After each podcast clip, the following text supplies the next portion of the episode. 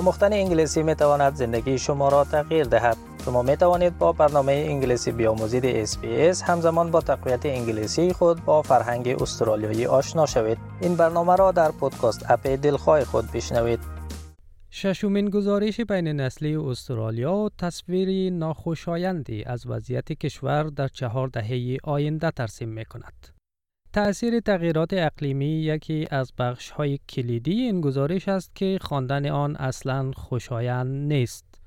در حالی که بخش های از کشور هنوز نتوانسته از آسیب های سیل های ویرانگر سال گذشته بهبود یابند، فصل آتش سوزی خطرناک دیگری در راه است. جیم چالمرز وزیر خزانداری استرالیا می گوید که این گزارش به ما یادآوری می کند که برای مبارزه با تغییرات اقلیمی زمانی برای تلف کردن وجود ندارد. We can't be complacent about the future. And where that complacency could be the most damaging is when it comes to climate change. You know, we've tried complacency on climate change and uh, it's meant that we've wasted a lot of time. اگر دمای جهان بیش از دو درجه گرمتر شود، آسیب آن به بهرهوری نیروی کار استرالیا می تواند بالغ بر 423 میلیارد دلار باشد. صنایع مبتنی بر نیروی کار بیشتر ممکن است مجبور شوند در گرمای روز کار را تعطیل کنند. شرل مورفی اقتصاددان می‌گوید اگرچه پیشبینی های گزارش بین نسلی خیلی اوریانند اما تدابیری که برای محدود کردن گرمایش زمین اتخاذ می شوند می توانند فرصت های جدیدی را خلق کنند. So, both negatives and positives out of decarbonising our economy. When we think about our position in the world here, it's very important because clearly we produce a lot of the particularly rare minerals which are necessary inputs to a decarbonised world. And we think about what the US is doing with its Inflation Reduction Act, spending a lot of money and encouraging businesses to decarbonise. We can play a part in that. Um, that can enhance our export earnings and our commodity prices. So that's a big tick. انتظار می رود جمعیت استرالیا تا اوایل دهه 2060 به 40 میلیون نفر برسد و میانگین سنی از 38 به 43 سال بالا برود.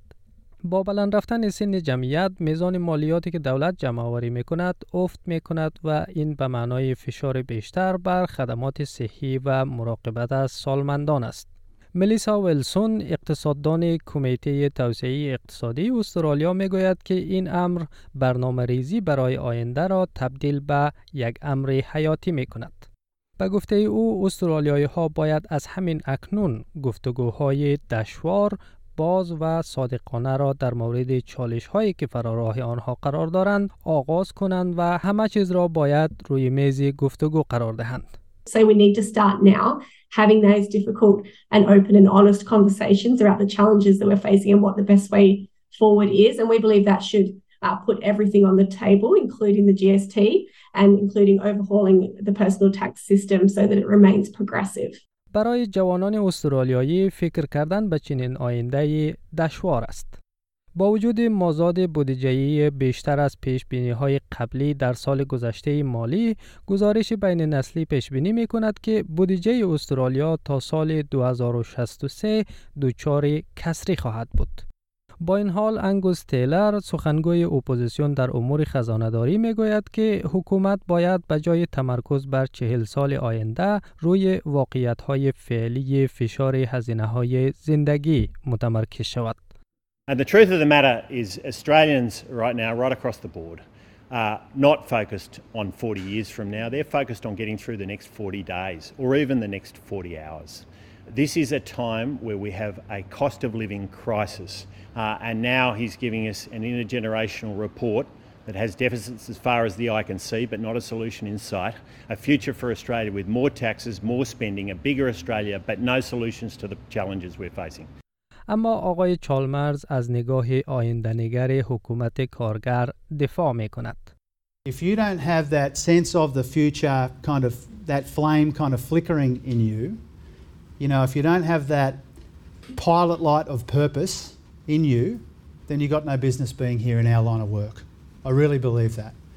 Uh, and if you don't have that pilot light of purpose that little pilot light of purpose flickering in you, then you should get out of the way and leave it to people like the rest of us who do. با این حال حکومت کارگر احتمال هر گونه تغییر عمده مالیاتی را در این دوره پارلمانی مردود دانسته است.